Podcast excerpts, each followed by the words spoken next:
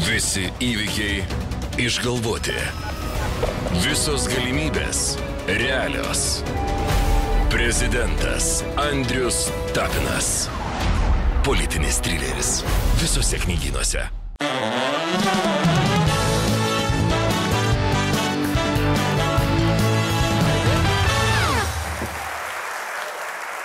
O papa, sveiki.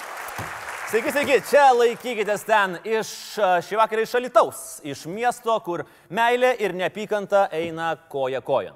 Prisimenat, Troja turėjo gražiąją Eleną, kuri sukėlė Trojos karą. Alitus turi gražiąją politikę Laurą Radzevičiūtę, kuri sukėlė karą tarp Puteikio ir Puidoko. Įsivaizduojat? Huh! Šaunuoliai. Jį parideno obolį, ant kurio buvo, parašyta prezidentui ir va taip, va, abu buvę agentūros pupų bendražygiai taip susiriejo dėl gražiosios lauros, kad nebegali vienas į kitą pažiūrėti ir centro partijoje tvyro visiškas chaosas. Chaosas ir mieste. Suvilioti žodžio ir ženklo mylių į alytų plūsta atvykėliai. Štai kriminalinė kronika. Grįžusi namo, alitiški būte rado tris nepažįstamus girtus vyrus ir pasigėdo pienino. Pat kas pasakys, kad alitiškiai ne prie meno, tegu meta į mane akmenį. Menu mėgaujasi ir Alitaus sodra, padovanojusi miestui voveriukų skulptūrą ir pavadinusi juos Alsodra ir Sodriuku. Nu, vardai tai tokie me. Vienas man primena Alkaidą, o Sodriukas labiau tiktų tam vienam iš trijų girtų vyrų, kur pirina nuknis. Ir šiaip galėtų būti praktiškesni vardai, kurie kažką pasako. Pavyzdžiui, pensija ir PS2. PS2 gal nelabai. Meną vertina ne tik mieste, bet ir Alitaus rajone. Alitaus rajono valdžia nusprendė pasipuošti ir Giluičio ežero pakrantėje pastatė kinetinę skulptūrą išnaudojančią vėjo energiją. Ir kadangi visoje Lietuvoje mūsų plačioji tėviniai nerado nei vieno menininko galinčio tai padaryti, tai pasielgė paprasčiau. Nuvarė internetą ir kinų platformai Alibaba nusipirko skulptūrą. O ir va, nu ir ką tu jam padarysi? O ir nieko. Ir dar galėjau užsisakyti ir telefonų dėkliukų, ir apsauginių stikliukų, ir moteriams maudimkių, ir vyrams žvejybos reikmenų galėjau užsisakyti. E, Liūdniausia, kad tai yra ne šiaip skulptūra, o garsaus amerikiečių menininko Anthony Howe skulptūros kopija. Pati valdžia to neneigia. Savivaldybės architektas sako, kad A. Sutaupė, B. Gražu, Ir C, sakyti, jog kiniškos masinės gamybos geležies laužas neturi išliekamosios vertės, yra mėgėjiška ir netikslu. Nu, žinoma, kad išliekamoji vertė yra. Kol šios kultūros stovės, tol išliks priminimas, kad Alitaus rajone autorinės teisės ir Berno konvencija negalioja. Galbūt valdžia ir teisės aktus siunčiasi iš linkomanijos. Gali būti. 12 tūkstančių eurų, ponas ir ponai, Alibaba ir pinigai va taip pat, baba. O štai Alitaus dzukijos vandenis už 5000 eurų miestiečių pinigų įsirengė savo pirčiukę. Kad darbuotojai galėtų pasišildyti, o ne vadovų lėbavimui, sakė Lietuvos Dzukijos vandenų direktorius Červekovskis. Nu, labai tikėtina, nes, žinai, geri vadovai ir taip turi kur palėbauti. Bet koks tu vandenų vadovas, jeigu neturi nuo savos pirtelės? Na, va tokie humaniški ir socialiai jautrus yra Lietuvos savivaldybės įmonių vadovai. Jeigu turi šilmos širdį, užteks jos ir pirti. Alitus myliu. O kasgi, o kas nutiko per šventinę savaitę mūsų fantastiškoje valstybėje? Gitanui Nausėdai prie Velykų stalo turėjo nevaikiškai kaisti ausis. Ir visai ne dėl to, kad pavasarinė saulutė ausis pakaitino, o dėl to, kad kandidatą apšnekinėjo, kas netingėjo. Nu ir buvo aišku už ką. Prieš pat šventes Gitanas paleido štai tokį reklaminį klipą. Gyvename vienoje Lietuvoje, nors kartais atrodo taip toli vienas nuo kito. Garsėjame darbštumu, bet ne visi galime džiaugtis uždarbiu. Tačiau mes žinom, kiek būdami vieningi galime atremti ir kad valstybė yra joje gyvenantys žmonės. Aš esu telkianti jėga, kad pagaliau išgirstume vienas kitą ir drauge kurtume šalį, kurioje gyventi nori kiekvienas. Už tvirtą ir vieningą Lietuvą, už Gitaną Nausėdą. Man šitie žmonės, kurie eina iš paskos už kandidatą, man visai primena serialą Walking Dead, bet čia visai kitas klausimas. E, taip toli vienas nuo kito. Iš tiesų, nausėda teisus kaip niekada, kadangi netruko paaiškėti, kad dalis klipe panaudotų nuotraukų ir video fragmentų yra tiesiog pirkta iš užsienio agentūrų ir jos yra visiškai nelietuviai. Na, mes suprantam. Nausėda yra toks gražus kandidatas, kad Lietuvoje tiesiog nėra pakankamai gražių žmonių, kurie tinka būti šalia mūsų rinkimų apolonų. Na ir taip gaunasi. Real is beautiful. Dar įdomiau, paaiškėjo, kad savo klipuose tas pačias nuotraukas kaip ir nausėda naudojo ir neperinktas Ukrainos prezidentas Petro Porošenko. Po sekmadienio jau vadinamas Petro Pralošenko. Na, panašu, kad klipo nuotraukos turi magiškų galių, tad Gitanui sėkmės prireiks. Mes galim Gitanui rekomenduoti keletą žiniuonių iš Kalvarijos turgaus, kurios už simbolinį mokestį nuims nuo nuotraukų blogą Porošenkos aurą. Internetas, aišku, sureagavo akimirks. Nu kaip kitaip? Iš karto atsirado personažas Gitaras Šenausėda, štai tai yra Shutterstock, na ir žinoma videoklipas. Gyvename vienoje Lietuvoje, nors kartais atrodo taip toli vienas nuo kito. Garsėjame darbštumu, bet ne visi galime džiaugtis uždarbiu. Tačiau mes žinom, kiek būdami vieningi galime atremti ir kad valstybė yra joje gyvenantys žmonės. Aš esu telkianti jėga, kad pagaliau išgirstume vienas kitą ir drauge kurtume šalį, kurioje gyventi nori kiekvienas.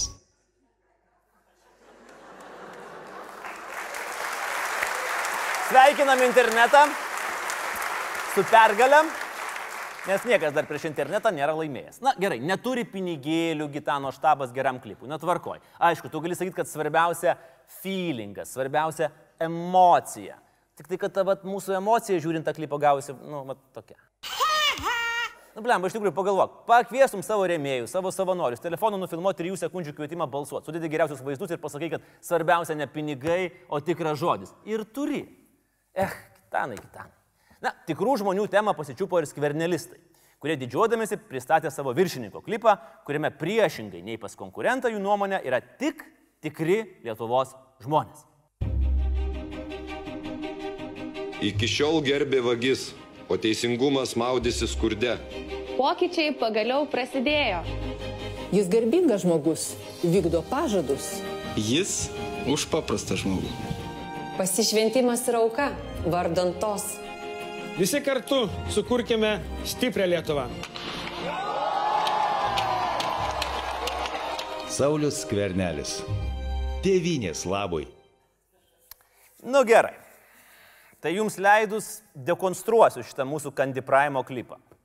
Pirmas tikras žmogus, kuris sutiko skvernelis gatvėje, tai buvo ekipuotas ugnegesys Saulis prie tarnybinio automobilio, sakantis, kad iki šiol gerbė vagis. Nu, nežinau, gan griežtai, vis tiek, sutikim, treji metai valstiečių valdžios, nu ar tikrai jau vyriausybė gerbė vagis. Na, palikim klausimą, ar statutiniai pareigūnai su tarnybinė uniforma turėtų dalyvauti politiniai reklamui, bet paprastas ugnegesys Saulis yra iš tikrųjų Saulis Džiautas, kuris tikrai negesina gaisrų, o vadovauja ugnegesių profsąjungai. Vadovauja taip puikiai, kad buvo ko ne vienintelis neparėmęs mokytojų protesto ir taip puikiai sulindęs premjerui į minkštą vietą, kad šis dėkoja jam už profesionalumą, už tai, kad nesirenka lengvos išeities rengti mitingus, skiria pinigų, o pseudo ugnegesys atidirbinėja politinėje reklamoje. Beje, kai mes raginam nupirkti ugnigesiams daugiau uniformų, tai negalvojam, kad tos uniformos bus va taip naudojamos. Nebent skvernelis jaučia, kad politinė ateitis gali sudegti dar pirmam turė, nu tada savas ugnegesys tikrai yra reikalingas. Toliau, tikras žemdirbys Kestutis. Taip, tai ūkininkas Kestutis Abucevičius. Lietuvos valstiečių ir žaliųjų sąjungos narys. 2015 ir 2019 kandidatavęs į Trakų rajono tarybą. Na, Lietuvos istorijoje mes jau turėjome vieną Kestutį, kuriam buvo atiduoti trakai. Ta kartą atidavė tėvas Gediminas, šį kartą bandė dėdė Ramūnas, nesigavo. Tada yra tikra pensininkė Irena. Sutapimas ar ne, bet žvitrioji Irena yra kaip du vandens lašai panaši į castinguose esančią moterį, kuri filmuojasi įvairiose reklamose. Na, va toks jau reklamos aktorių darbas. Vieną dieną giri kandidatus į prezidentus, kitą dieną vaistus nuo viduriavimo. Bet juk negali būti, kad kandipraimas skvernelis tikriems pensininkams vaidinti samdytų castingą.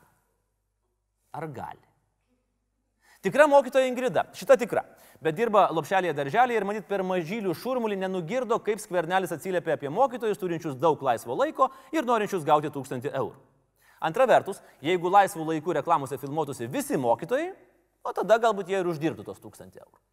Na ir žinoma, tikras ledo rytulininkas - Saulis, kuris jokiame interviu niekada net nėra užsiminęs, kad mėgsta ledo rytulį, bet apsirengęs kostiumu, be pačiūžų, užsikabarojo ant ledo ir paėmė į rankas kliušką.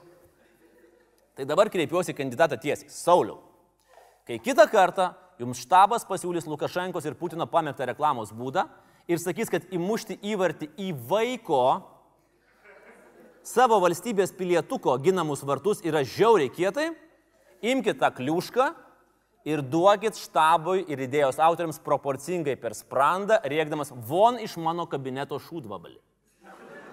Nes dabar net gitanos tokiniai vietnamiečiai nebetrodo taip blogai.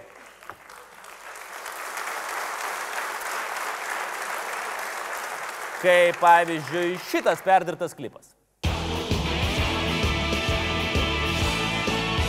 Звенит в ушах лихая музыка атаки Точней отдай на клюшку пас, сильней удар И все в порядке, если только на площадке Великолепная пятерка и вратарь Зоны бой ведет и новая дружина Мы верим мужеству отчаянных парней В хоккей играют настоящие мужчины Трус не играет в Трус не играет в хоккей Galim paploti. O kodėl ir nepaplojus? Ir galim paploti ir taip, ir viską, aišku. Ok. O šimonytė. Kaip šimonytės klipas? Žiūrim. Mums visiems to reikia. Tikslų Lietuvai, kuriuos galėtumėm priimti kaip savo. Aiškumo, bendrų vertybių, drąsos, tikėjimo savimi ir vienas kitu. Nes tik visi kartu mes galime pakeisti įvykių eigą, įveikti apatiją, apginti demokratiją, išsaugoti konstituciją. Ateinu laimėti, kad laimėtumėt kiekvienas iš jūsų. Na, aš taip pasakysiu. Ingridai paėjo. Ne dėl to, kad klipas labai geras. Jis nėra geras. Šimonytė taip niekada nesirengia. Tas ryškiai, ryškiai mėlynas kostiumėlis net ir visiškai daužtam šitą sufleruoja. Nu, dar buvo galima uždėti diržą su tokia didelė saktim - DG. Kad jau visiems aišku būtų, kad jį mėgsta Dolčia Gabbana. Ir šimonytė nekalba tokių tuščių banalybių, kaip susitelkime visi kartu. Paskui automobilį bėgantis, mojuojantis vaikai. Tai juk taip nuoširdu, taip tikra, aš verkiu iš gerumo. Nes mūsų vaikai tikrai daugiau nieko nedaro, tik laksto paskui random automobilius ir mojuoja jiems rankutę. Ta prasme, nu, nelaksto juk tie vaikai, ne? Nes jeigu jie laksto, realiai gyvenime, tai mes galim save reklamuoti pasauliui kaip rojų vyrams, kurie myli vaikus. Ir dar ta žmonių prezidentė. Nu, atsargiausias ir labiausiai nudroštas šūkis, koks gali būti. Nu, panašiai kaip tautos tarnas. Šitas Ukrainai paėjo. Ne, Ingrida, kitam klipui imkite kokį originalesnį šūkį negu ta prezidentė. Nu, pavyzdžiui, nes tu to verta.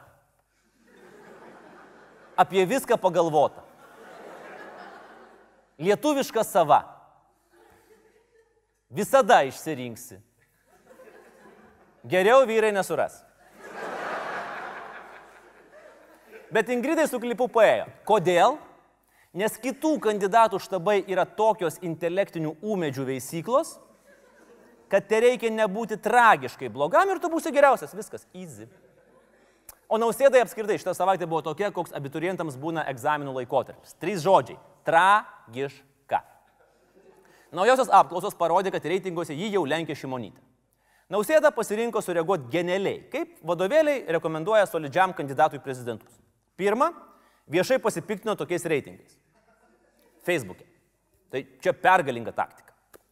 Antra, paaiškino, kad čia yra konservatorių samokslas, o jis pats gegužės 12 dieną pasilieka teisę paskambinti sociologinių tyrimų Vilmorus kompanijos vadovui Vladui Gaidžiui ir paklausti, kodėl ir šį sįkį nesuveikė jo metodika.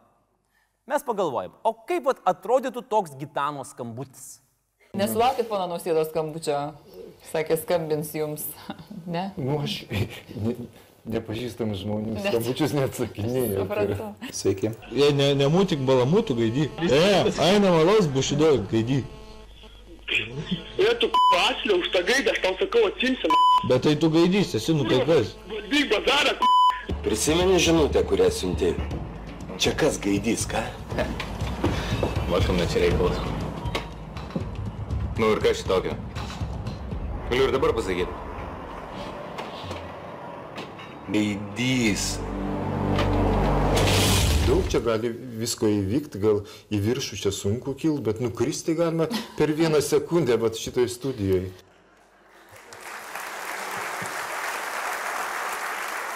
Jūs dabar galite paklausti, o kodėl aš taip detaliai nupasakoju nausėdos įrašų turinį? Juk jūs patys galite nueiti ir paskaityti, ar ne? O vat ir negalit. Nes nausėda atliko dar vieną genialų veiksmą ir tą įrašą greitai greitučiukai ištrynė. Nes visos, o visos komunikacinės krizės yra sprendžiamos ištrinant įrašus. Ir niekas, o niekas taip nepaštrina problemos. Ir galiausiai nausėda pareiškė, kad ištrynė įrašą ne dėl turinio, o dėl netinkamo laiko tokiems komentarams. Ir ne dėl to, kad pilnatis, o dėl to, kad Velykos. Tik vad pamiršo, kad per Velykas net ir ištrinti įrašai prisikelia ir gyvena amžinai. Ir aš tikrai džiaugiuosi, kad frazė nausėda vartus iš gaidžio įgyjo ne tik perkeltinę, bet ir tiesioginę prasme.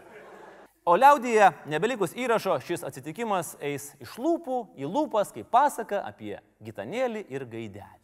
Bet mes pagaliau žinom, kas yra bendro tarp nausėdos ir skvernelio. Abu mėgsta trinti įrašus ir abiems už kampo vaidenasi aštridančiai konservatoriai su beisbolo lasdomis.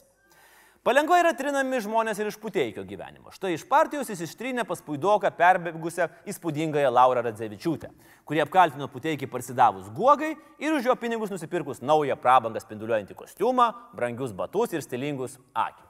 Na, negali pykti. Gerai atrodyti yra sena puteikio svajonė. Gyvenimo dėsnis. Kuo prabangiau kitas žmogus tave aprengia, tuo noriau tu paskui prieš jį nusirengi ir dar trupučiuką pasilenki į priekį.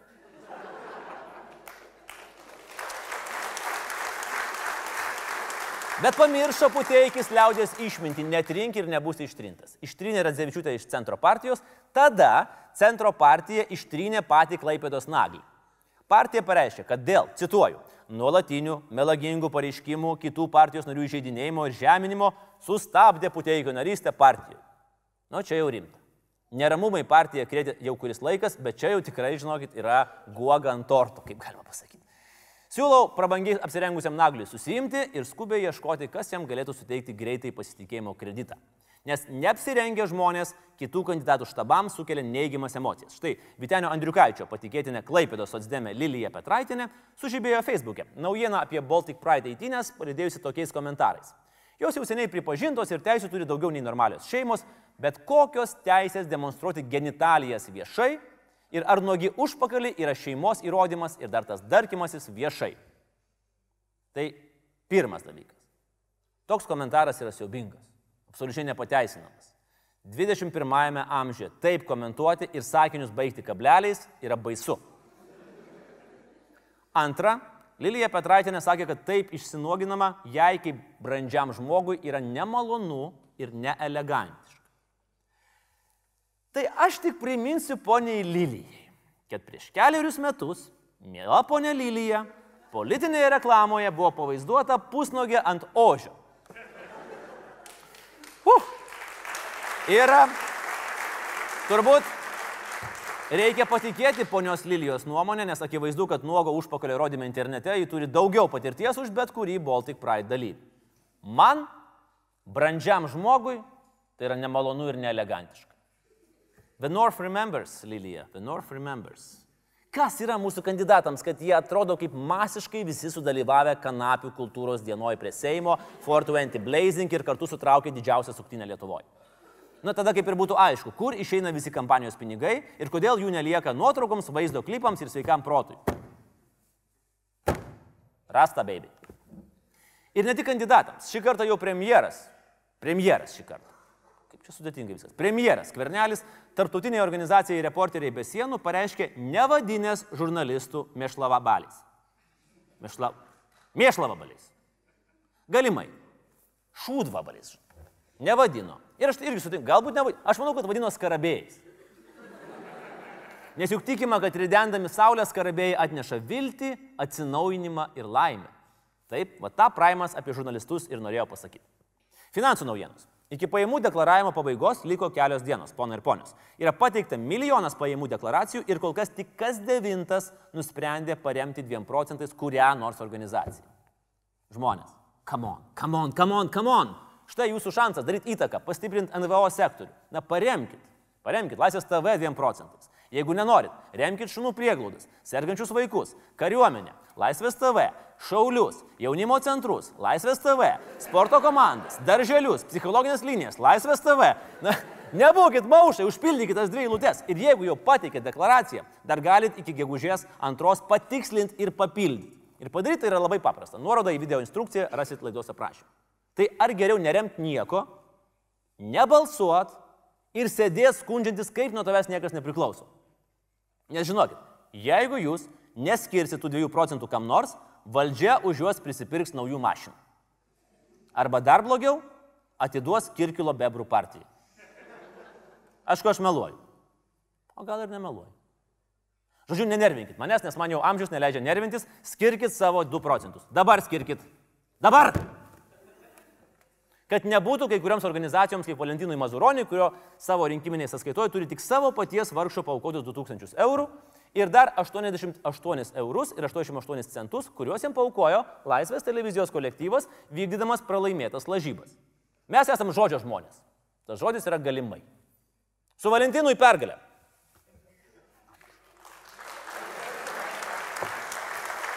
Kultūros naujienos. Čia yra gera žinia ir bloga žinia. Gera žinia ta, kad mūsų užsienio reikalų ministerija pagaliau atrado kažkur padėtus arba užsiaugino rimtus kiaušinius, padengė juos titano plokštelėmis ir pateikė pagaliau rekomendaciją neįleisti į Lietuvą su mafija ryšių turinčio Rusijos atlikėjo Grigorijaus Lepso. Bloga naujiena, nu kad atsiminė numirėlis persti. Nes Lepsas prieš mėnesį jau sėkmingai pakoncertavo Lietuvoje ir išvažiavo. Su Lepsu va toks lepsusas gavosi. Reikia tikėtis, kad grįža, nebegrįža bus. Jo. Ukrainos prezidento rinkimuose Petro, kaip ir sakiau, Pralošenko posto neišlaikė, naujojų vadovų, kaip ir tikėtasi, tapo komikas Vladimiras Zelenskis. Na, reikia manyti, kad Karbauskis su Zelenskiu bandys užmėgsti asmeninį kontaktą ir ne vien dėl to, kad Zelenskis politinį kapitalą susikrovė kurdamas serialą apie save, bet ir dėl to, kad Zelenskis lietuviškai reiškia faktiškai žalesis. Zelenskis suskubo sveikinti ir Mindaugas Puidokas, pavadinęs tai smūgiu neoliberalams. Tarp Zelenskio ir Puidoko yra panašumų. Abu komikai ir skirtumų. Vienas juokingas, o nuo kito verkt noris. Moksleivių tėvus suglumino mažamečiams mokyklinukams pateiktas klausimynas, kuriame buvo klausinėjama tokių dalykų kaip ar tavo namuose yra internetas, ar yra muzikos instrumentų, ar yra indaplovė ir taip toliau. Čia tikri realūs klausimai ir labai svarbi informacija, ypač dėl indaplovės. Nes specialistai yra ištyrę, Vaikai, kurių virtuvėje stovi indaplovė, mokosi geriau negu vaikai, kurių virtuvėje kabo granitinis pjūklas ir ledo rytolininko kaukė.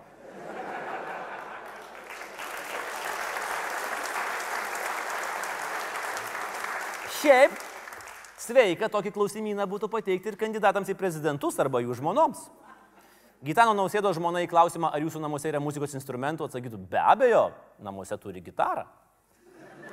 Saulis Kvernelis į klausimą, ar namuose yra tavo naudojamas žodynas, atsakytų, kad oficiali kalba yra lietuvių ir tegul rinkėjai apsisprendžia, ar jie nori anglų kalbos mokytojo ar ko nors kito. Arvidas Juozaitis į klausimą, ar jūsų namuose yra indaplovė, atsakytų, be abejo, namuose yra žmona. Mindaugas Puidokas pasibėdavotų, kad yra nekokybiškos indaplovės auka. Naglis Puteigis atsakytų, kad prabangi indaplovė atsirado iš karto po to, kai Guoga gavo pirmą vietą sąraše. O Valdemaras Tomaševskis atsakytų, kad po inauguracijos pirmas jo vizitas būtų į Minską, nes ten indaplovės yra pigesnės.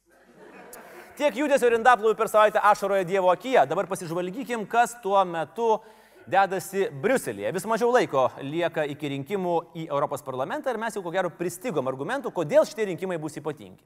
Ir vad ne, radom dar vieną argumentą. Šiemet bent 20 žmonių Europoje kandidatuoja ne savo gimtosiose šalise, o užsienyje. Na, vienus jau galbūt girdėjot, buvęs Graikijos finansų ministras Janis Varufakis, toks bišas, kuris mėgsta dėvėti baikerius triukės, balotiruojasi Vokietijoje su judėjimu Democracy in Europe. Na, e, šitam judėjimui šviečia mažai šansų, turbūt Janį Briuselėje irgi vargu ar pamatysim. Daugiau šansų ten turi atsidurti su Rumunijos pagrindinė opozicinė partija Pro Romanija į rinkimus einantis Juris Leanša.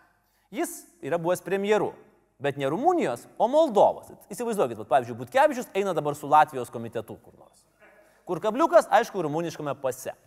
Prancūzas Nikolė Barnie nori atstovauti Belgijos liberalams ir jis yra vyriausio Brexito darybininko Mišelio Barnie sūnus. Kaip sakoma, netoli Barnie nuo Barnie nurėdėjų. Žodžiu, labai gali būti, kad ir kitose rinkimuose pamatysim kur nors Airijoje besibalotiruojantį vardenį pavardенį, o lietuviškame sąraše bus koks nors Olandas, nu, koks nors Janikas Frankė, kuris dabar pieno žvaigždėse žaidžia krepšinį. Ir pamatysit, garantuoju, kad jį ir išrinks. Bet tai bus dar ne šiemet. Šiemet, prisiminkim, gegužės 26 dieną ateinam balsuoti. Ir kuo daugiau mūsų ateis, tuo mažiau Europos parlamente bus visokių šarlatanų ir perėjūnų. Pasimatysim rinkimuose. Na, o pagrindinė savaitės tema yra bankai. Arba institucijos, kuriam netikim, kurias keikiam, bet kuriams vis tiek duodam savo pinigus. Bankas, bankas doram lietuviui gali atstoti visą artimą aplinką.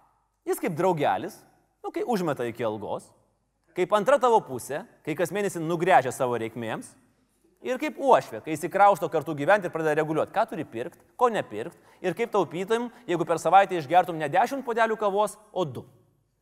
O tu nori gerti 10. Ir ne kavos, o alaus. Bankas.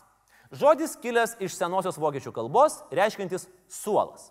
Lietuvoje panašus tuo, kad ankstyvoje nepriklausomybėje žodis bankas ir reiškia teisiamųjų suolas, nes tai buvo neatsiejami dalykai. Jeigu tu įkūri banką, tai žinok, tave teis.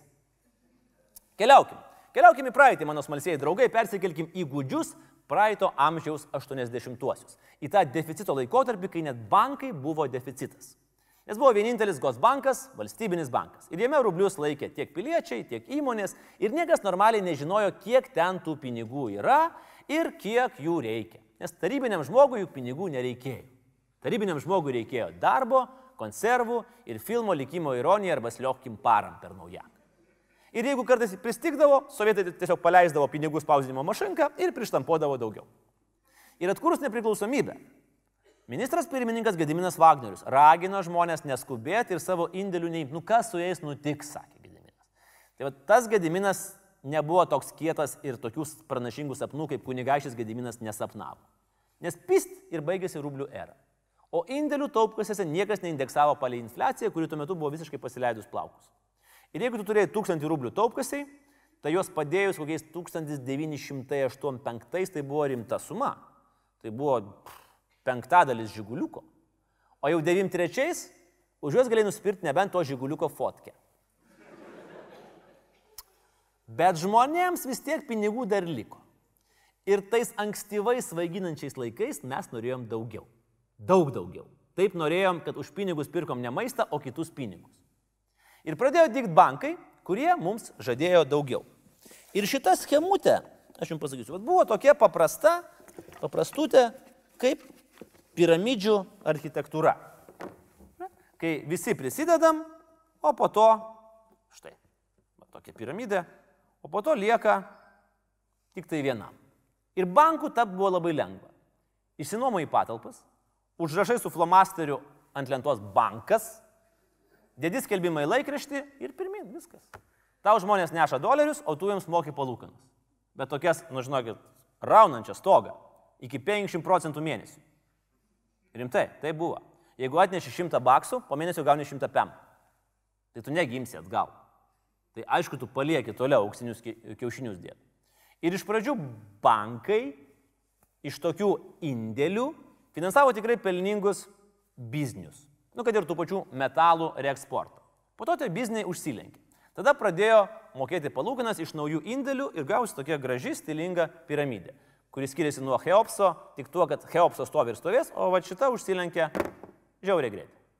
Tačiau bankininkai dar spėjo šiek tiek gretinėlės ir lyštelti savo, nes tais laikais žodžiai bankas ir banditas turėjo ne tik beveik bendrą šaknį, bankas nuo bandito skiriasi tik tuo, kad bankas paėmęs pinigus bent jau dantų tau neišmušta. 91 metais Lietuvoje buvo įkurtas Nemo bankas. Matyt, Žiulio Verno prisiskaitęs, jam vadovavo toks Vytautas Jankievičius. Nu, viskas kaip ir ok. Tik niuansas, kad jis priklausė daktarų grupuotėjai ir turėjo pravardę Pšidze. Klausimas. Ar jūs dėtumėt indėlį į banką, kuriam vadovauja Pšidze? O neskubėkit atsakyti, pagalvokit. Nes jeigu atsakysit neteisingai, tai plaukti 20 tūkstančių mylių po vandeniu, beieškodami Nemo. Nemo bankas labai sklandžiai virto bankų sekundę. Ir buvo vienas pirmųjų užsilenkusių ir nusinešusių skaičiuojant dabartiniais pinigais beveik 15 milijonų eurų indėlininkų pinigų. Beje, pavadinimas sekundė matyt reiškia tą laiką, kurį tu esi turtingas padėjęs indėlį šiame banke. Ir va tiek buvo tai supratusių žmonių. 92 kovo mėnesį Gintaras Dilys, buvusio žmonos vardu Kauniai registravęs uždarąją akcinę bendrovę Sekundė ir pasiskelbęs finansų kredito įstaigą pradėjo priiminėti iš gyventojų valiutinius indėlius, skolindamas surinktus svetimus pinigus už didesnius procentus. Po metų Gintaras Dilys nupirko akcinio banko Nemo akcijas ir sudarė naują akcininkų sąrašą. Visa tai buvo fikcija. Būtent sekundės bankas Lietuvai davė legendinį reklaminį šūkį. Reikia pinigų, pinigų yra. Tada tai buvo banko šūkis, o dabar kandidato į prezidentus ir premjero tikrai ne prieš rinkiminė veikla. Tikrai, tikrai ne. Toliau pradėjo birėti visi kiti keisti bankai. Sugriuvo Apus bankas, kuriam trumpą laiką vadovavo Čekuolis, Algymantas, ieškojęs investuotojų Ispanijoje, neradęs ir įrodęs, kad jeigu jų nerado net Čekuolis, tai tokio investuotojo apskritai gamtoje nebūna. Kokie buvo bankų pavadinimai? Aura bankas, Baltic bankas. Ir juos abu valdė luokės grupuotės banditai, kurie indėlininkų pinigus tiesiog savo perskolindavo patiems. Apie 16 milijonų eurų. Byla nutraukta dėl senaties. Buvo vakarų bankas, pavokta 15 milijonų eurų. Abu bankininkai išteisinti dėl senaties. Buvo Express bankas, jo šefas Naidūnas, pavokti 4 milijonai eurų. Byla nutraukta dėl senaties. Buvo Tauro bankas, įspūdingas jo savininkas Genadijus Konopliovas, pavokta 40 milijonų eurų. Konopliovas nusišovė. Be reikalo, aišku, galėjo palaukti, kol būtų išteisintas dėl senaties. Buvo Nidos bankas, išgarsėjęs pastatų prie neries, pavokta 8 milijonai. Dvi Nidos bankininkės išteisintos po amnestijos. Buvo Panevežio ateities bankas. Jo. Žmonės tais laikais buvo tokie naivus, kad nešė pinigus į Panevežio ateitį. Pavokta 4 milijonai eurų. Valdytoja Kildišienė, Šahusarai, sutapimas, grinas, išteisinta. Buvo bankas Lietuvos verslas, kuris padėjo Lietuvos žmonėms suprasti, kad Lietuvos verslas bankrutavo, apsivogė ir paliko visus ant ledo. Ir pirmąją bankų krizę vainikavo du didžiausi bankrotai, kai užsilenkė akcinis inovacinis ir Litimpex bankas. Akcinis inovacinis sudegino ne tik apie 80 milijonų eurų, bet su savim nusitempė ir tuometį premjerą Adolfą Šleževičių. Nes jis, matot, mažutis žinojo čiučiu daugiau ir pasinaudoja savo tarnybinę padėtim prieš pat banko griūtį išsėmė savo indėlį. Gruodžio 19 dieną. O bankas sugriuvo gruodžio 22. Sutapimas? Todėl aš suprantu tam tikrą prasme suklydęs, fatalinių ten sutapimų tokiomis apysavomis, apie jas e, atsibodo tiesiog ir kalbėti. Bet šiandien aš e, spaudai dar pateikiau visas aplinkybės, kad būtų galima e, susipažinti. Ir todėl aš iš tikrųjų nesijaučiu tiek nusikaltęs, kad galėčiau palikti dabar nespręstas problemas, o jų labai daug. Bet tai kokio aktualumo video, žiūrėkit, 95 metai, bet tu išim garsą, išvalyk ir tu gali dubliuoti bet kurį premjerą per pastarosius 20 metų. Suprantu suklydęs, buvo sutapimų, bet vis tiek aš dirbu gerai ir negaliu palikti postų dėl nespręstų problemų. Litimpekso vadovai pradangino 50 milijonų eurų ir dar turėjo filialą pavadinimu, labai gerų pavadinimu, Lituanus. Galimai pavadinimas Lituanus buvo pasirinktas pagal vietą, kur buvo sukišami žmonių pinigai. Beje, akcinio inovacinio ir Litimpekso vadovai buvo išteisinti, nesurinkus pakankamai kalties įrodymų. Bendrai paėmus banditų bankelį į Lituanusą sukišo apie ketvirtį milijardo žmonių eurų. Kol kas pareigūnai braižo ir rašo, kad patys nepasiklystų ilgame kreditorių sąraše. Štai Litimpex banko paskolų schema. Geltonos rodiklėlės, beprocentiniai kreditai, raudoniems jau anksčiau iškeltos baudžiamusios bylos. Tada jau aišku, kasgi didžiausi kreditoriai. Pažiūrėkit, koks sunkus buvo prokurorų darbas, kol nebuvo Wordo ir PowerPoint'o. Bet žiūrėkit, mes norėjom tų palūkanų.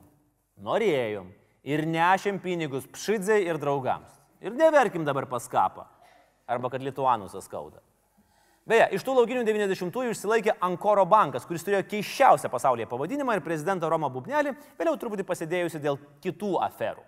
Stebuklingai išvairavęs, bankas nusprendė rebrandintis ir pasimti normalų bankininkišką pavadinimą. Ir tapo medicinos banku. Ir sėkmingai veikia ir šiandien. Tačiau Upsalos universiteto mokslininkų tyrimas parodė, kad 47 procentai apklaustųjų vis dar mano, kad jis kaupia ir prekiauja žmonių organais. 30 procentų mano, kad spermos bankas yra jo filialas.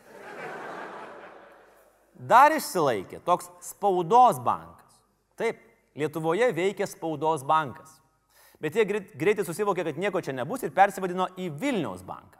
Pirmieji pradėjo platinti vizą korteles, įrengė pirmąjį bankomatą, apsigynė nuo luokės banditų atakos, prisijungė banką Hermi ir išvairavę pro visas audras atplaukė į saugų Švedijos uostą ir tapo SEB. SEP buvo vadintas spaudos banku. Ir tai yra bloga žinia bankui, nes dabartinė valdžia nekenčia spaudos ir žurnalistų apskritai. Taip kad laukim aktyvaus ir įdomaus politinio sezono, kaip sakė Jekeliūnas. Baigėsi 90-ieji, turėjom kitą krizę. 8-9 jį pagimdė mums nesenstančią klasiką apie pavoktas šimonytės pensijas ir šūkį bubilius kibys. Finansų srityje prasidėjo greitųjų kreditų banga. Žmonių gyvenimai ėjo prastin, reikėjo pinigų ir, ir tada tu galėjai paimti kreditą, net jeigu esi durnas, net jeigu tu esi girtas, net jeigu tu esi nepilnametis. Ir netgi jeigu tu esi durnas, girtas, nepilnametis. Ir nuo to laiko greitųjų kreditų veikla yra tikrai stipriai apribota ir tai yra didelis pliusas Lietuvos banko bizūnui. Trečioji krizė Lietuvoje - snoras ir ūkio bankai. Griūtis įvyko 11 metų vasario kovo metu ir žmonės prisiminė senus gerus stumdymosi prie bankų įgūdžius.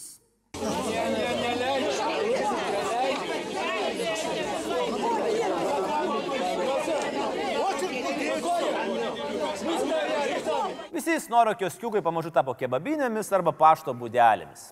Dar kažkur jie stovi galbūt ir tokiuose snoro kioskelių kapinėse. O Snoro banko bankrotą administravęs Nylas Cooperis atskleidė, kad į su banko vadovais Baranausku ir Antonovu susijęs sąskaitas buvo pervesta daugiau nei milijardas litų. Tai vad prieš Snoro banko šmugelius Romanovo ūkio bankas buvo palyginti niekas. Didžiausias klausimas yra ne kodėl Romanovui nepavyko, bet kaip Romanovas taip ilgai tempė darydamas nesąmonės. Na ir po tiek bankinių krizių atkeliaujam prie ketvirtos ir šviežios, kurią sukėlė Danske bankas, praplovęs 200 milijardų eurų. Ir dabar pagaliau pasidarė aiški anegdotų kilmė apie lietus estus. Kas ten ant kalno eina? Tai ten estas bėga. Kodėl taip lietai? Nes rusiški pinigai trukdo. Viso to pasiekoje Estijoje buvo suimti 10 bankininkų, investuotojai padavė Danske bankai teismą ir reikalauja pusės milijardo dolerių. O pats bankas nusprendė trauktis iš Baltijos ir Rusijos rinkų. Jokinga, bet nors bankas traukėsi, Lietuvoje veikiančiame Danskė paslaugų centre planuojama įdarbinti 600 žmonių skirtų pinigų plovimo prevencijai. Nežinau, kai praplauni 200 milijardų, tai pats laikas pradėti kovoti su pinigų plovimu. Čia yra tas pats, kas teptis kremų nuo saulės, kai tu jau guli nudegimų skyriui. Dėl ko galim pasidžiaugti dar kilus šitam skandalui, kad pagaliau estai mūsų nepamiršo. Jie norėjo draugauti tik su suomiais, o šį kartą pinigus plovė kartu su mumis. Ne tik tai per Danskę, bet ir per Svetbanką. Tai kaip ir ačiū, kad nepamiršot. Per Lietuvos Svetbanko padalinį pratekėjo beveik 4 milijardai nešvarių eurų. Aišku, tai pakenkė Skandinavijos bankų prestižui, bet padarė jie keliūną laimingiausių žmogum pasaulyje. Įsivaizduoji, tu kartoji ir kartoji, kad skandžių bankai nepatikimi, visi iš tavęs juokiasi. O tada op ir paaiškėja, kad gal tu ir teisus. Tik problema, kad šita ketvirtoji bankų krizė iš tikrųjų nėra krizė. Besitraukiantis bankas nėra žlugęs bankas. Taip, triukšmo daug, taip, juda dėmė užtiško, ar tai pakenkė ekonomikai? Ne. Panašiai buvo Latvijoje, kai dėl pinigų plovimo buvo uždarytas ABLV bankas. Triukšmo daug, bet ar tai smogė Latvijos ekonomikai? Ne. Kodėl? Nes bankė buvo rusiški pinigai, o ne latviški. Na, vietiniai savo pinigų neprarado. Nors aišku, pasitikėti Latvijos finansų sektoriumi dabar yra tas pats, kas eiti į bendrą dušą su nuteistu prievartautoju. Tikriausiai nieko blogo nenutiks. Bet tu vis tiek juk neužsimerksi, net kai šampūnas akis pradės graužti. Kokia situacija dabar? Ekonomiškai bankinė Lietuvos sistema yra tvirta. 80 procentų rinkos užima du skandinavų milžinai - Sebas su Svedu ir trečiasis Luminor, kurio vadybininkai šiaip žinokit žiauriai nervinasi, nes kas antras klientas mano, kad užėjo iš vestuvų salono. Bankai dideli, nerangus, per Velykas gali keturias dienas netlikti jokių operacijų, bet jie yra patikimi. Bankas yra kaip tankas, nors didelis ir nerangus, bet patikimas. Ir geriau jį turėti, negu neturėti. Žurnalo Global Finance skelbiamame 50 saugiausių bankų pasaulyje sąraše galima rasti beveik visus pagrindinius Lietuvoje veikiančius bankus. Tai kitą kartą, kai išgirsit įkaušusi dėdę Česlovo per giminės balių tauzijant kokie nepatikimi Lietuvos bankai, atimkite stikliuką, išpilkite degtinę von ir priminkit jam šitą faktą. Tai viskas gerai? Nu ne. Nors mūsų bankai vieni saugiausių pasaulyje, net 56 procentai lietuvių jais nepasitikė. Kaip sako patarlė, kartą pšidzai pinigus atidavęs ir šalta pučia. Arba neišsižadėk lasdos, turimos ir senaties termino už svetimo turto išvaistimą. Arba skola nežaizda, bet medicinos bankas gali padėti. Tai gal vis dėlto viskas gerai? Na, sunku pasakyti. Kai, žinokit, kai būna viskas gerai, į sceną įžengia maitėdos politikai. Ir tada verslui prasideda priepoliai. Kas čia? Čia Sebo Hebrai širdis permušiniai. Ką aš čia dabar sudėliojau? O, žiūrėkit. Jeigu aš dabar ant kubo uždėsiu stiklą, gausis nausėdos namas.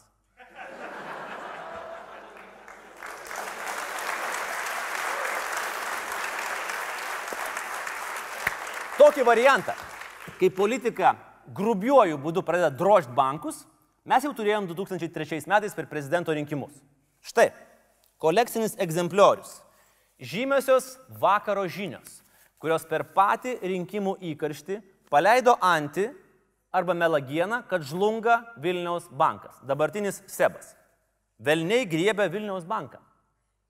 Žmonės tuo metu puolė atsiminėti pinigus, tuomet dar gyvas Rolandas Paksas daužė kumščių per stalą ir sakė, kad tvarka bus. Ir jį išrinko prezidentu.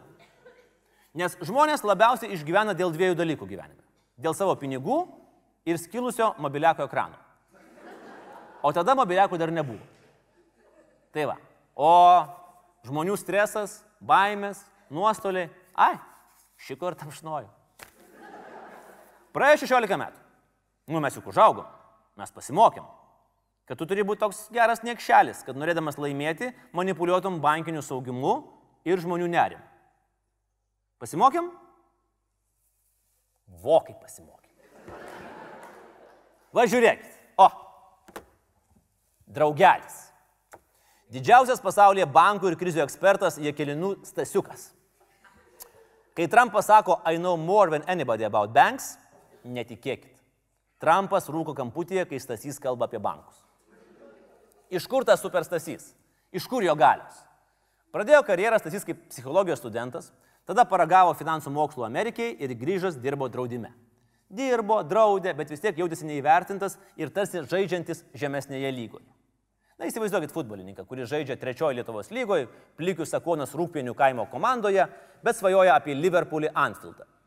Taip, beje, Lietuvoje yra tokia komanda plikių sakuona per brūkšnelį rūpienių kaimas. Aš šios fanas numeris vienas, viskas. Tai va, Jekeliūnas turėjo svajonę išbėgti į aikštę Švedų bankį. Kreipėsi į vieną banką, nepaėmė. Nepaėmė į darbą. Ir at pavyzdys, kai kartais net didžiausi bankai nepaskaičiuoja rizikos. Būtų tada paėmęs Stasis, jis dabar sėdėtų ramiai ir bankas ramiai ir nebūtų jokių rūpeščių. Įsižeidęs Stasys, kaip pats apie save rašo Wikipedijoje, ėmė gilintis į pasaulio ekonomikos paslaptis ir parašė knygą apie krizę. Apmaudu, pasaulis nepastebėjo Stasio pastangų ir vietoj to geriau kažkaip garbino visokius krūkmanus ir rubinius. Stasys dar kartą įsižeidė ir įsiprašė patarinėti premjerui Algirdui Butkevičiui. Patarinėjo taip uoliai, kad užkniso nesos demus, kurie šiaip jau yra kantrus. Nepadėjo jo reputacijai ir tai, kad prieš Butkevičius patarinėjo dar vienai kredito unijai, kuri baigė taip pat kaip ir Butkevičius bankrutavo. Nu jau sakysit viskas, ne? Karjera baigta. Ai, kurgi ne. Kas susirinkdavo išbrokuotus perteklinius politinius avantūristus? Teisingai, valstiečiai žalieji. Labas, Dovilė, jūs tai, broniau, povilai. Ką jūs? Stasys suvalstėtėjo, išskleidė sparnus ir netgi tapo biudžeto ir finansų komiteto pirmininku Seime. O tada atsiraitojo rankovės ir pradėjo keršyti. Įsivaizduojat, Avengerius. Toras, Halkas, Iron Manas, Kapitonas Amerika. Tai čia vienas įkeliūnas už visus. Ir trys karai vienu metu. Pirmas su skandinavų bankais, kurio jo nepriėmė dirbti. Nu, legit priežastis. Kaip kovoti su skandžių bankais? Easy, vieną reikia parduoti, sako Stasys. Tanusas norėjo dėl balanso sunaikinti pusę visatos. Stasys nori pusę bankinio sektoriaus suvaryti. Antras karas su Lietuvos banku, kuris pasirodo irgi jo nepriėmė dirbti. Irgi legit priežastis. Kaip kovoti su Lietuvos banku? Nu, čia sunkiau, tu negali parduoti Lietuvos banko. Bet gali varyti ant jo vadovybės. Non-stop. Banko valdytojas Vasiliauskas laiškė kolegoms sureagavo taip. Skaičiuoju iki dešimt ir atsigeriu vandens, nes priešingų atveju prabilsiu folkloru. Kaip aš norėčiau pamatyti Lietuvos banko vadovą bylojantį folklorų? Arba mes visiškai kitaip suprantam, ką reiškia folkloras. Ir trečias - karas su revoliutu. Čia jau ne dėl to, kad nepriimė, nes revoliut atsirado jau stasius susidėjus su valstiečiais, čia toks iš principo karas. Kaip kovoti su revoliutu, parduoti neišeina, tai gali užsakinėti tyrimus. Pirmas pasako, kad tvarkoj. Tada užsakai antrą. Sako, irgi viskas tvarkoj. Easy, užsakai trečią. Nu vis tiek kažkam kantrybė trūks. Net jau finansų ministras Šapokas sako, Stasi, nu blemba, nu užteks, Stasi. Bet skvernelis drąsina, neužteks, neužteks. Abu šitie straipsniai publikuoti beveik tą pačią dieną ir beveik tą pačią valandą. Žodžiu, torpedas tasys fronte, karbausis su skverneliu jam padavinėja šovinius. Kodėl? Negi nemato, kad finansų ministro Šapogos nervai to nutrūks, kalbant apie Lietuvą kaip apie fintecho rojų. Negi jie nemato, kad bankų sektoriaus įsiubavimas grasina šalies finansiniam stabilumui. Nu mato, aišku, kad mato. Nu bet rinkimai. O rinkimuose reikia parodyti, kokie blogi visi kiti ir kaip tu rūpinėsi mažutėliais. Kad jų bankai nenumelštų su kokiais euroborais ar viliborais. Vyriausybė kreipėsi į generalinę prokuratūrą ištirti, ar vilibor istorijoje yra ką tirti. Pagristų įtarimų vyriausybė neturi, tik tai asmeninius Jekeliūno paskaičiavimus, pamastymus ir galimai pasapnavimus. Nu bet koks kietas atrodo kandidatas Skvernelis, kai daužo kumištų per stalą ir grasina prokurorais bankams. Visai kaip tada, 2003-aisiais. Vėl tie patys 2003 metai, prezidento rinkimai, tik šį kartą Jekeliūnas šika, o Skvernelis su Karbausku tapšnoja. Ir visas šitas grožis be ventiliatoriaus taškosi ant mūsų visų ir darosi šiek tiek nesmagu. Kaip apibrėžti politiką, kuris vardan asmeninės naudos, vardan renkamo posto gali manipuliuoti žmonių jausmais, jų pinigais ir bankinės sistemos, ant kurios laikosi šalies ekonomika saugumu? Vienas žodis. Prasideda S ir baigėsi S. Devynios raidės. Svolačius. Skvernelis yra dešimt raidžių. Tikėkime, kad sveikas protas laimės ir tapšnotai atšoks nuo bankų. Juolab, kad pačių bankų ateityje irgi laukia rūstus išbandymai. Kaip prašė Džeromas Klapka Džeronimas, knygoje Trysė valtyje neskaitant šuns, cituoju, Džordžas miega viename banke kasdien nuo 10 iki 4, išskyrus penktadienius, kai jį pažadina ir varo namo antrą po pietų. Ir tokie Džordžai mus lydėjo keli šimtus metų. Ir natūralu, kad žmonėms pabodo, kad kiekvieną kartą, kai tu nori padaryti pavedimą, tu turi viltis į skyrių, išsimušti eilės numerį, laukti eilėje, tada pildyti popierius. Pabodo ir kad lyg viskas jau ir internetu, bet pažyma vis tiek skyriui, o prieš šventės tave įspėja, kad susitvarkyk, nes tris dienas jokie pinigai nevaikščios. Ir bankams ima kelti grėsmę naujosios aušros kūdikiai - fintechai ir techfinai. Žiūrėkit, smulkius atsiskaitimus sutvarkė tarpusavėje PayPalas. Po to atsirado galybė kitų sėkėjų - Paysera, Zelė, Venmo. Techfinė viską tvarkė interneto milžinai - Apple'as, Google'as, Amazon'as, Facebook'as, na ir aišku, Kinai - Baidu, Alibaba ir Tencent. Kiniškas messengerio variantas WeChat yra skirtas viskam. Tu gali keistis pokalbiais, nuotraukomis ir pinigais. Atsirado virtualūs bankai - Revolut, Monzo, N26, kurie siūlo beveik viską, ką ir tikri bankai, tik greičiau, patogiau ir tavo mobiliakį. Bankai pajuto, kad reikia pasispausti. Pristatė savo programėlės, kurių nebereikia laukti, kol 2 eurai nukeliaus iš sąskaitos prienuose į sąskaitą Alituje. Bankai turi vis dar monopolį didiesiems finansiniams projektams. Jeigu nori pasiskolinti keliasdešimt milijonų savo verslo projektui, iš revoliuto ar vičiato nelabai. Šiandien. Rytoj Niekas nežino. Gal atsiras būdas žaibiškai suvesti žmogų, kuriam reikia keliasdešimties milijonų verslo projektų tame pačiame Alituje, su keliasdešimt milijonų žmonių visame pasaulyje, kurie turi po vieną lišną eurą. Algoritmas paskaičiuos rizikos laipsnį, įvertins įkeičiamą virtualią nusavybę, pasiūlys palūkanas ir tau perves pinigus į mobiliaką. Gal taip ir bus. Jeigu valdžia mažiau naudos bankų kortą savo žaidimams, o vietoj to prižiūrės, kad su mūsų pinigais būtų tvarkomasi saugiai ir skaidriai. Žodžiu taisyklė - mažiau jekeliūnų, daugiau paipaliūnų ir peiserūnų ir tada galėsim sveikinti mūsų jauną demokratiją. Arba neškim pinigus pšidzai. Ačiū. Žodžiu, ei, saugokit savo pinigus, įvertinkit politikų šokius prieš rinkimus, žiūrėkit, laikykitės ten su Laisvės televizija ir eikit balsuoti karšto širdim ir šaltų protų. Nes kitaip atrodo, žinokit, čia nieko nebus. Rimtai. Ir skirkit 2 procentus. Viskas. Iki pasimatymo Alitau. Čia visiems mūsų žiūrintiems. Susimatom po savaitės. Viso. Iki.